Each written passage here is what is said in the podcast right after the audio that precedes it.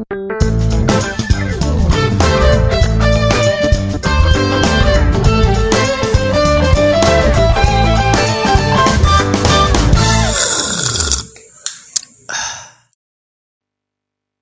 Assalamualaikum warahmatullahi wabarakatuh.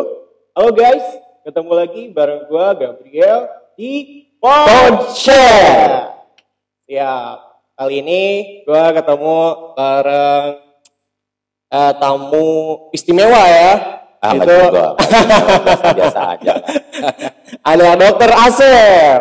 Ya. Siap dok. Terima kasih banget dok, udah bisa mampir ya. Ya, sama-sama. Kebetulan santai. Benar, benar, benar. Eh, dok, lagi sibuk apa sih hari ini dok? Di rumah gitu? Atau Eh, kesehariannya? Kalau saya pulang kerja barusan ya, pas di ini di telepon pulang kerja dan Mhm. habis briefing tadi di rumah sakit staf saya di rumah sakit. Oke. Mhm, Kalau misalnya untuk di rumah, eh, kesibukannya apa aja dok? Misal hobi gitu. Oh, di rumah ya apa ya? Kalau kebetulan bercengkrama aja dengan anak dan istri lah ya. Iya. eh berbicara masalah ini, keluarga, dokter punya berapa anak? Saya, Ya, aduh, ada anak cewek gak? ada sih, tapi masih 8 tahun. Lah, lah. Masih 8 8 tahun. Jangan ditaksir 8 tahun. Masih kecil. Berarti saya 20, anak dokter baru 8 tahun, ada 12 tahun lah. 12 tahun kayak di Sarati Rapi Ahmad gitu ya. Eh, Oke. Eh, kalau istri berarti baru udah satu. Eh, baru udah satu. Baru ada satu. Ya, sekarang satu sekarang. Sekarang satu. Oke, kalau rumah di mana, Dok? Saya di Gading Elok ya rumah. Jadi Gading Alok ya. Oh ya, dulu kita pernah ini ya. Pernah Ya. ketemuan rapat. Itu kan katanya mau bisnis katanya. Iya, benar. Ditunggu-tunggu, ini nggak nggak tertarik mungkin ya. Atau ada, ada kesibukan yang lain mungkin. Jadi, eh, sibuk sama yang lain, Dok. Aduh. Nggak apa-apa, Benar, benar. punya pilihan masing-masing. ya. Mm-mm. Ya, kita fokus pendidikan dulu aja lah Ya, sekarang. bagus mah, bagus benar. ya. Heeh. Iya. Sambil berjalan lah itu mah. Bisa nanti Oke, lah ya. oke betul betul. Masih ada waktu. Iya, ada waktunya. Benar sih, Dok. Eh, kegiatan yang lainnya selain dari apa? Bercengkrama dengan keluarga, terus ke bisnis atau gimana nih, Dok? Yang utama saya kan punya pekerjaan di Mm-mm. rumah sakit ya. Ngurus rumah sakit lah, ada yang mempercayai saya di rumah sakit jadi direktur lah. Terus juga ada usaha yang lain, bisnis saya. Ya. Makanya ngajak kan kemarin tuh ya. ngajak Benar, bisnis. benar. Jadi saya ke mana-mana sekarang misinya eh, bisnis saya. Karena mungkin dulunya sibuk, ya sekarang kalau nggak ke sana kemari rasanya pegal. Gak tahan rebahan berarti ya. Iya. Dokter orangnya hiperaktif benar ya. Iya betul, alhamdulillah ya. Jadi Hmm. nggak enak kalau diem tuh rasanya gimana ya sempit dunia tuh. Jadi harus harus banyak aktivitas ya. baru merasa eksis. Seperti begitu. Benar sih dok, aku juga apalagi hiperaktif kayak gini ya. Iya. Kadang kalau misalnya di rumah suruh apa isola, apa isolasi gitu ya. Oh. Kalau gaya anak bahasa sekarang gitu kan, Isolasi. eh, isolasi buat gak Virus. keluar rumah di rumah Virus. aja kayak virus corona terus. Terus corona ini ya. Iya. Benar. Jadi gak tahan gitu. Mainnya keluar, main gitu. Ya harus harus sekarang harus dilakukan. Benar Terpaksa juga harus ya. Karena Benar, untuk menunjang program pemerintah ya supaya penularan eh, virus ini bisa teratasi lah ya. Mm-mm. dengan cara li- 14 hari kita istirahat di rumah artinya mudah-mudahan eh, penyebaran virus ini bisa ditekan. Iya. Itu mungkin. Sabar, sabar ya. 14 hari itu sebentar. Berarti kalau misalnya 14 hari, bulan April kita bisa mulai eh, biasa lagi dong ya. Ya tapi diperpanjang katanya tadi. Oh, diperpanjang. Ada, eh, Sampai puncak- kapan itu, Dok? Puncaknya tanggap darurat itu 29 Mei. 29 Nah, Mei. dari- dari Wow. pemerintah. Pantes 29 kalau Mei. misalnya di sini kan ada juga ya dari kampus di Karawang gitu, ada yang sampai satu semester Apa? diliburkan ya, Wah, satu semester diliburkan Senang. mahasiswanya. senang apa resah? Ah, resah sih nanti wisuda kan lama lagi Oh. panjang. Iya. Tapi kalau anak-anak SD, anak saya tuh ya, Heeh. senang banget oh seneng. Senang. Tiap hari ketemu bapak ibunya. Ya, kalau di saya dong, kalau di kampus saya, Tiga Sekarisma, itu kuliah online dong. Oh, kuliah Jadi online. ya walaupun kita nggak masuk kuliah, tapi tetap kuliah online. Oh, ada di rumah. Ya berbasis online, pakai HP, pakai laptop gitu. Kalau saya nggak bisa, karena saya kan orang kesehatan. Mm-mm, Betul. Masa kalau di rumah meriksa, pasien atau apa perawatnya di rumah semua, siapa yang ngurusin benar, rumah sakit nantinya?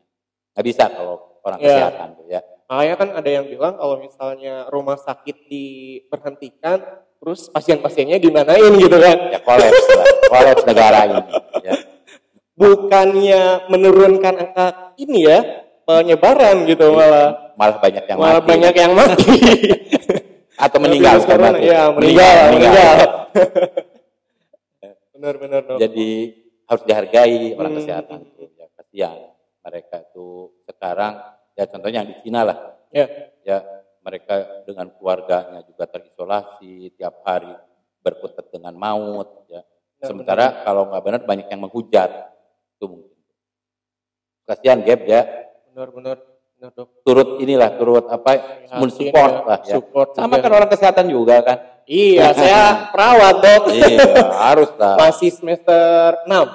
ya Insya Allah lah satu tahun setengah lagi dok. nanti ngerasain. Ya, kalau kerja di rumah sakit gimana? Atau Benar, kerja di benar. puskesmas juga gimana tapi luar biasa ya eh, dari profesi ini dokter, perawat, gitu kan bidan, pokoknya tenaga kesehatan semua lah. ya luar iya biasa sekali. orang lain libur lebaran ya jaga betul. Orang lain tahun baru ya jaga. Iya. Virus corona, ya dia garda terdepan. Iya. Orang lain ngumpat, dia malah Ah, maju iya, ke depan. Dia malah maju ke depan, benar, benar itu benar, benar. Setuju itu. Jadi di DKI makanya Ya. gubernurnya ngasih penghargaan insentif. Ah iya, saya Hebat. udah denger itu, udah baca. Tapi benar. jadi kecemburuan. Cemburuannya gimana dok? Ya orang-orang perawat di Karawang juga sama. Mana perhatian pemerintah kata. Oh berarti di Karawang enggak? Ya, ya itu kan kebijakan pemerintah. Oh, iya, benar. Ya, Nggak bisa. Provinsi aja, provinsi Iya, Jakarta iya. aja. Berarti kalau misalnya Karawang sampai sekarang belum ada kebijakan dari pemerintahnya gitu. Dok? Belum. Belum ya. Belum. Untuk- Itu baru dengar baru dengar dari gubernur DKI. Berapa sih? Berapa itu dok? Nah, itu nggak tahu lah ya. Yang jelas dikasih insentif. Lumayan sih. Di Facebook saya baca semua Karawang mana, Karawang mana. Perhatiannya maksudnya. Benar-benar. Belum belum ada belum ada. Tapi saya kira mungkin ya pemerintah daerah juga memperhatikan ini ya eh, kemampuan Mm-mm. kemampuan eh, keuangan. Ya. Ya kita juga nggak menampik lah ya. Itu urusan dapur pemerintah ya. Nggak bisa disamain kalau dengan DKI. Iya, benar-benar. benar. Eh, dok, kalau Apa? misalnya berbicara hobi nih, saya kan hobinya ya apa ya olahraga gitu. Tapi ya walaupun sekarang nggak olahraga gitu kan. Eh, kalau dokter kira-kira apa dok? Hobinya Aku di mah rumah hobi, gitu. Hobi itu jadi gini, kalau waktu muda hobinya saya hiking sama climbing ya, Ya. Nah, untuk ngasah fisiknya Mhm. waktu muda. Terus eh, untuk ngasah otaknya catur, aku senangnya Catur. catur. Tapi masih sempat gitu dok, walaupun kesibukan dokter Ya, sebagai sempat. dokter, Ya. bisnismen Ah. gitu kan. Kalau sekarang sudah enggak. Oh Itu enggak. waktu dulu ya waktu, Dulu waktu berarti. muda. Ya. Terus eh, setelah kerja badminton saya. Oh badminton. Badminton senang banget. Itu hampir Hmm. seminggu beberapa kali. Terus ke daerah mana. Nah sekarang di usia seperti begini, Ya, lain lagi ceritanya. apa nih hobinya? Sekarang golf sekarang. Wih, golf ya. Karena Luar biasa. Cocok dengan usia saya. cocok ya, karena nggak terlalu memforsir fisik, banyak pemandangan yang yang lah ya, bikin, bikin- hijau, bikin mata happy lah. Benar, ya, benar. bukan rumput yang hijau gitu. Kirain rumputnya yang bergoyang gitu dong. ya tahu sendiri lah ya. Kalau menurut orang katanya olahraganya mahal nggak juga. Ya. Kalau di pupuk kujang juga murah. Itu berapaan sih dok kalau sekali main gitu? Murah di kujang eh, paling juga 200 Dua ratus ribu Iya, 200.000. sekali main. Iya, 200 ribu. Pakai- aku satu bulan dua ratus ribu gitu. Enggak, kalau murah kan bisa dijangkau kan. Benar sih, benar. Ukuran misalnya kayak saya, eh, yang lain juga banyak yang Ya. nggak- bukan olahraga elit sekarang. Mm-mm. Jangan dia kategorikan olahraga elit ya. Ya. Kecuali memang kalau hari libur ya. Ya, Dan benar. itu banyak orang asing yang main juga. Oh bule ada bule. Eh, orang Jepang. Oh, orang- Jepang. Justru itu. Jadi takut sekarang sepi. Karena ada orang Jepang, orang Korea. Oh iya benar kan- takut virus corona Ah, ya. virus corona. Ini saya lihat di grup kita ya di WA golfer Bener? itu lagi sepi. Oh. Takut takut mereka takut. Jadi ada Takut ada ya, ada takutnya juga golfer juga. Luar biasa. Iya, gitu. Jadi hobinya sekarang beda. Beda ya. Itu sekali main seminggu sekali atau Ya, pas liburan aja dong? Eh, tergantung ya biasanya kalau libur kita ya Eh, atau kalau kalau mau santai biasanya seminggu dua kali saya Minggu dua kali. Nah, ya selasa pagi sampai jam 10 atau eh, sabtu Ya. sabtu pagi dua kali aja cukup lah untuk mensehatkan badan Ya, kalau saya main golf kayaknya ya menghabiskan kantong dok. kan beda kan Bener. beda ini beda zaman anak Beda muda zaman, sekarang ya. mah nggak cocok main golf enggak ya ya benar-benar. Iya. Nah berbicara kesehatan lagi dok. Eh, virus corona ini ya saya juga takut gitu kan kalau misalnya gak penting-penting amat ya gak keluar rumah lah gitu. ya nggak usah takut Kira-kira pencegahannya itu yang emang efektif itu seperti apa sih dok? ya nggak usah takut sekarang mah Hmm. ikutin aja anjuran pemerintah untuk eh, social distancing ya. Social distancing. social distancing itu artinya kita di rumah jangan melakukan aktivitas yang nggak penting sekali. Sehingga kita menghindari kontak dengan orang yang kemungkinan dicurigai eh, mengandung virus corona. Karena penularannya lewat manusia nggak usah takut. Ya juga jangan dianggap enteng. Ya. kadang-kadang kan nggak sudah nggak takut nganggap enteng itu yang nggak boleh.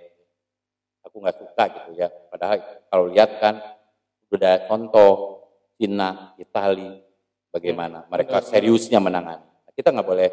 Kalau kata pemerintah harus nahan diri di rumah ya ikutin lah. Hmm.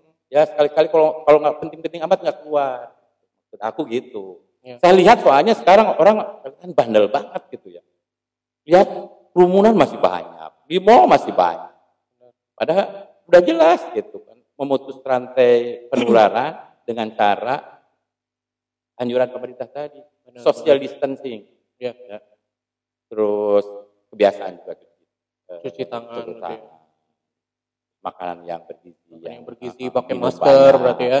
pakai masker itu aja pokoknya semua harus diikutin Ya, berarti ya kita jangan terlalu parno dan kita Ah. juga jangan terlalu mengentengkan Betul, gitu ya pada betul. intinya kepada Iya. virus corona ini. iya betul Sip. Nah, eh, mungkin kita break dulu ya, Dok. ya Baik. Siap. Yuk.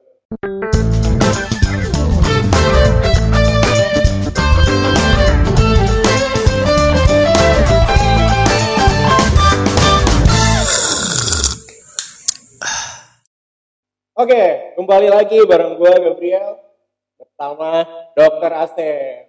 Ya, dok, eh, tadi kan kita sempat bahas tentang corona segala macam lah ya. Udah terlalu Iya. banyak kalau Iya. misalnya kita membicarakan corona. Benar, jadi kita coba ke eh, yang lain. Yalah jenuh lah terlalu banyak Benar, ini ya. benar. Eh, padahal udah jelas intinya ya tracknya Ya, harus yang begitu. penting kita ada pencegahan gitu kan, mencegahnya sejak dini dan insya Allah kita gak bakal tertular. Iya, Benar ya dok? Iya. Ya, dok pernah sih eh, pernah gak sih ngisi-ngisi kayak eh, gini gitu kan podcast atau ya semacam apa ya di radio gitu?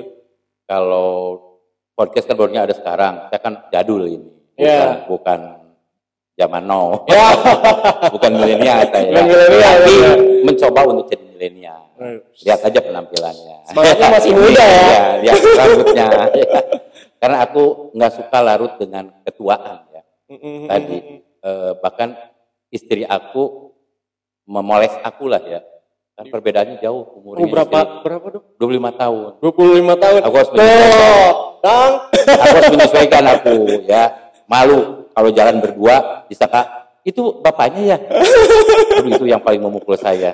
Sehingga Tapi kalau misalnya ini kan perbedaan dokter tadi sama istri dokter 25 tahun. Nah, Saya sama anak dokter 18 tahun. ya jangan lah.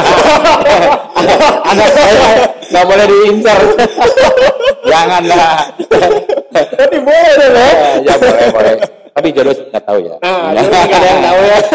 Yang penting bapaknya harus menilai dulu gitu. Dok. Anaknya pintar enggak.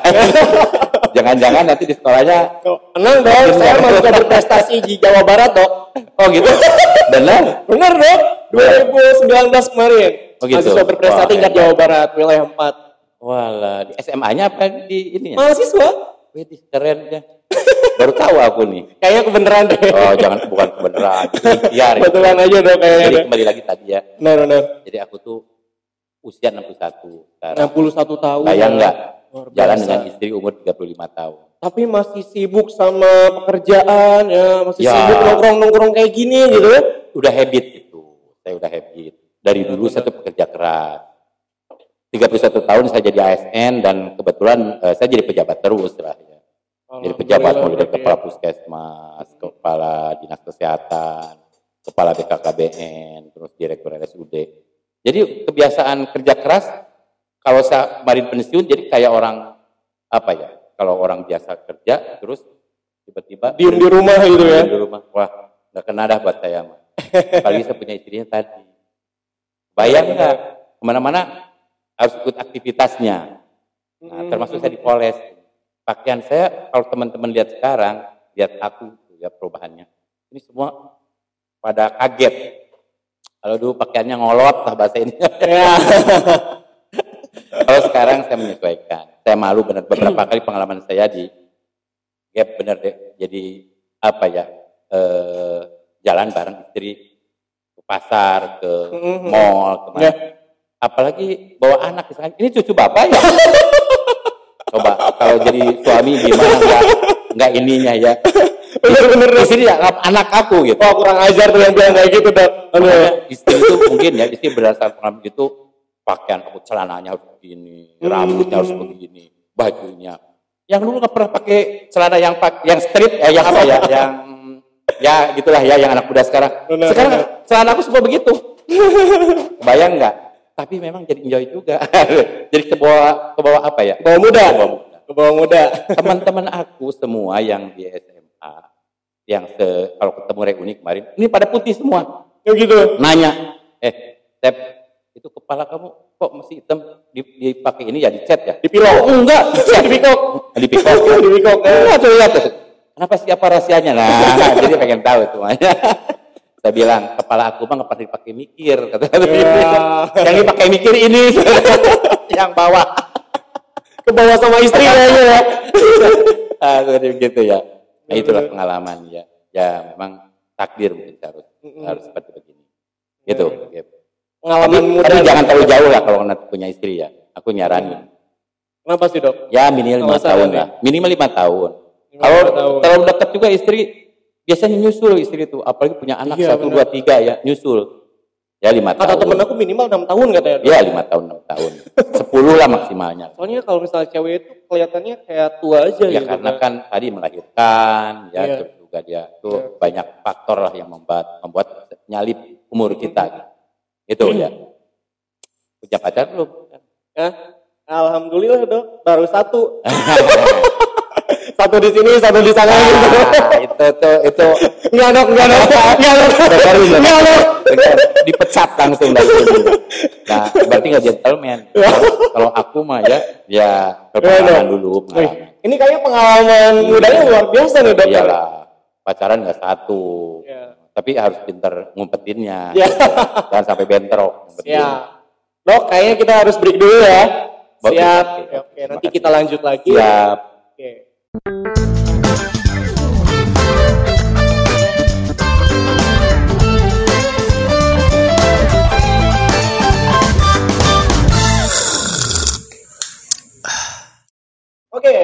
kembali lagi sama gua Gabriel di Ponsel. Ya. Eh, dok, kita lanjut lagi ya. Yes, siap. Lanjut lagi perbincangan kita, perbincangan yang sangat menarik sekali ya. Alhamdulillah. Nah, saya mau coba bahas ini ya dok, Eh, masa muda nih, supaya apa ya, jadi referensi juga gitu. Pengalaman dokter dulu bisa jadi Pengen tahu aja ya. bener. Pengetahuan yang saya implementasikan di Eh, ya. saya bener. Ini ya. Kalau dulu makan jadul lah tuh ya. Nggak seperti sekarang. Belum ada HP, belum ada ini. Jadi kalau kita naksir cewek nggak seperti sekarang, tapi eh, prinsipnya sama seperti sekarang juga.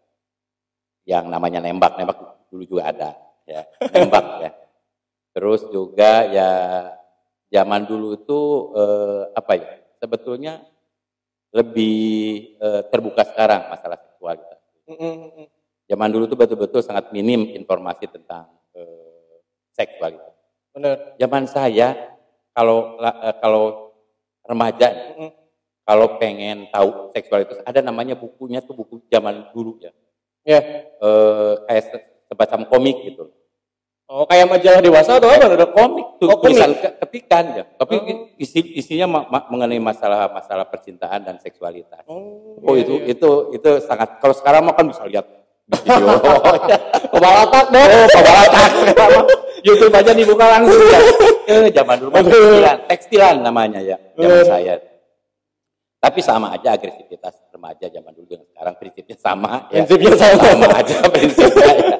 Artinya ya cuman tadi masalah keterbukaan ininya ya mengenai informasi kalau Betul. misalnya pencegahan kehamilan seperti sekarang aksesnya seperti sekarang makan orang anak-anak muda ya gampang banget lah ya beli kontrasepsi mau ke bidan dan sebagainya zaman dulu mana ada Ya, bahkan di Alfa juga sekarang udah tersedia, Dok. jadi banyak kecelakaan zaman dulu Iya. sekarang juga banyak dong oh, sekarang ya. tapi sekarang kan lebih lebih lebih tahu ke pencegahannya bedanya Ya. Mm-mm. jadi sama aja prinsipnya zaman dulu dengan sekarang cuman sekarang karena eh, eranya era 4.0 ya Ya, sehingga 4.0 ya. 4.0 Iya, itu sebetulnya Bener. buat saya sendiri kalau saya alhamdulillah dulu ya kena satu cewek yang jadi istri langsung men- menikah Oh gitu. Jadi gak pacaran dulu gitu? nggak pacaran cinta pertama langsung menikah. Luar biasa. tapi almarhum istri saya dulu bukan yang sekarang. Oh, bukan yang sekarang. Oh. bukan. Jadi seperti begitu ya. Nah, saya memang eh, istilahnya nggak seperti anak muda. Sekarang harus milih dulu. Mm, betul. kalau saran saya sih gap ya.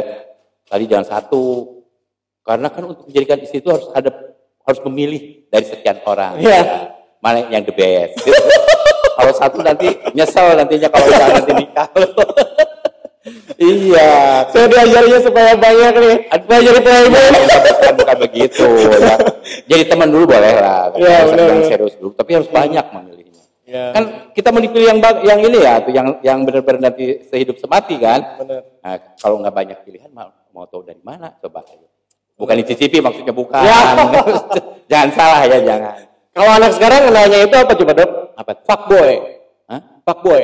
Apa tuh? Eh, jadi anak-anak lelaki gitu kan, yang emang dia apa ya bercinta itu ya berhubungan badan. Oh. Nah itu dia hanya mengajar apa ya? Kalau dulu mah ngendangi kita kayak Bukti cinta itu. ini dok lelaki mata keranjang dulu Hmm. mah. Kenalnya kalau sekarang disebutnya fuckboy dok. Oh gitu. Betul. Waduh, aku aku ketinggalan zaman berarti ya. Ya. Tapi sama aja juga mungkin dulu juga sama seperti Mm-mm. begitu ya. Sama aja. Cuma bahasanya yang beda. bahasanya yang Ya, beda. benar, Betul literasinya. juga. Iya. Dan teknologinya zaman dulu. tuh. Ya. Nah, seperti begitu ya. Eh, masa muda saya tuh. Mhm. Kalau eh, dari dokter buat ini ya eh, pesan buat anak-anak muda gitu supaya ya tidak terlanjur gitu kan supaya tidak apa ya dia kebablasan gitu kan pergaulannya pesannya apa dok? Menurut Ya, saya. pertama ya tentunya kan fondasi agama lah ya intinya semuanya juga ya. betul betul. Fondasi agama, tapi agama nggak menjamin juga sekarang ya. Nggak. Tapi minimal lah pagar kita itu adalah agama. Meskipun tadi agama tidak menjamin. Ya. Yang kedua ya harus tahu lah karena sekarang informasinya terbuka, harus tahu lah apa yang kita perbuat itu harus harus dipertanggungjawabkan. Kuncinya di situ. Jangan eh, istilahnya semau gue. Yang harus kita perbuat itu yang harus dipertanggungjawabkan. Karena sekarang banyak orang yang tidak bertanggung jawab ya. dan banyak merusak orang lain.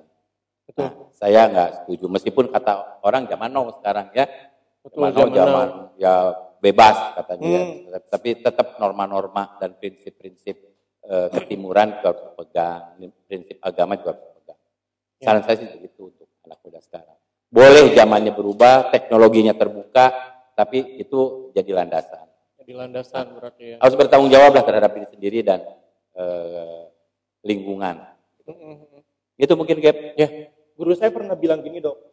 Jadi eh, anak muda sekarang itu boleh untuk eh, belok kiri belok kanan, Hmm.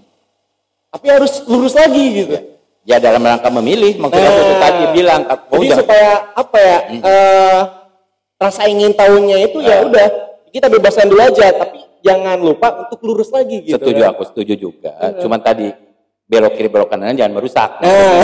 ya, jangan merusak. Jadi harus bertanggung jawab. Tapi untuk pengalaman sih boleh. Betul. Saya, saya setuju ya. Orang tuh harus banyak eh, experience-nya ya, harus Iya. banyak pengalamannya. Karena yang memacu dewasa itu adalah dari pengalaman. Benar, setuju benar. benar. Sangat setuju sekali itu. Ya. Kalau kita hanya satu aja, ya kadang-kadang juga nanti nyesalnya di masa tuanya mungkin ya. Hanya pengalamannya hanya tahunya dari satu orang, tahunya dari ini, mungkin ya. Tapi mengenal sih nggak jadi masalah yang mengenal banyak orang. Oke, siap dok. Eh, mungkin eh, mungkin itu aja ya dok untuk obrolan malam ini dan semoga eh, teman-teman guys guys semua gitu kan teman-teman milenial ini dapat mengambil hikmah dari apa yang menjadi obrolan kita ya dok ya. Mudah-mudahan ya. Ya, kita doakan agar Indonesia ini ke depannya anak mudanya gitu kan, apalagi secara eh, demografis kita punya bonus demografis Bonus gitu ya. demografis, Tahun betul. 2030 kita akan eh, mencapai titik puncaknya dari Dan- bonus de- demografis tersebut, Dok. Anak Betul, muda betul. akan menguasai segala lini pemerintahan itu baik di ekonomi gitu kan, politik segala macamnya gitu. Betul. Nah, eh, pesan dari dokter tadi sudah disampaikan. Semoga eh, apa yang menjadi eh, masukannya kita bisa implementasikan ke sehari-hari. Terima kasih. Ya. Eh, cukup sekian dari saya Gabriel dan bareng Dokter Asep. Dokter Asep di Pod Share.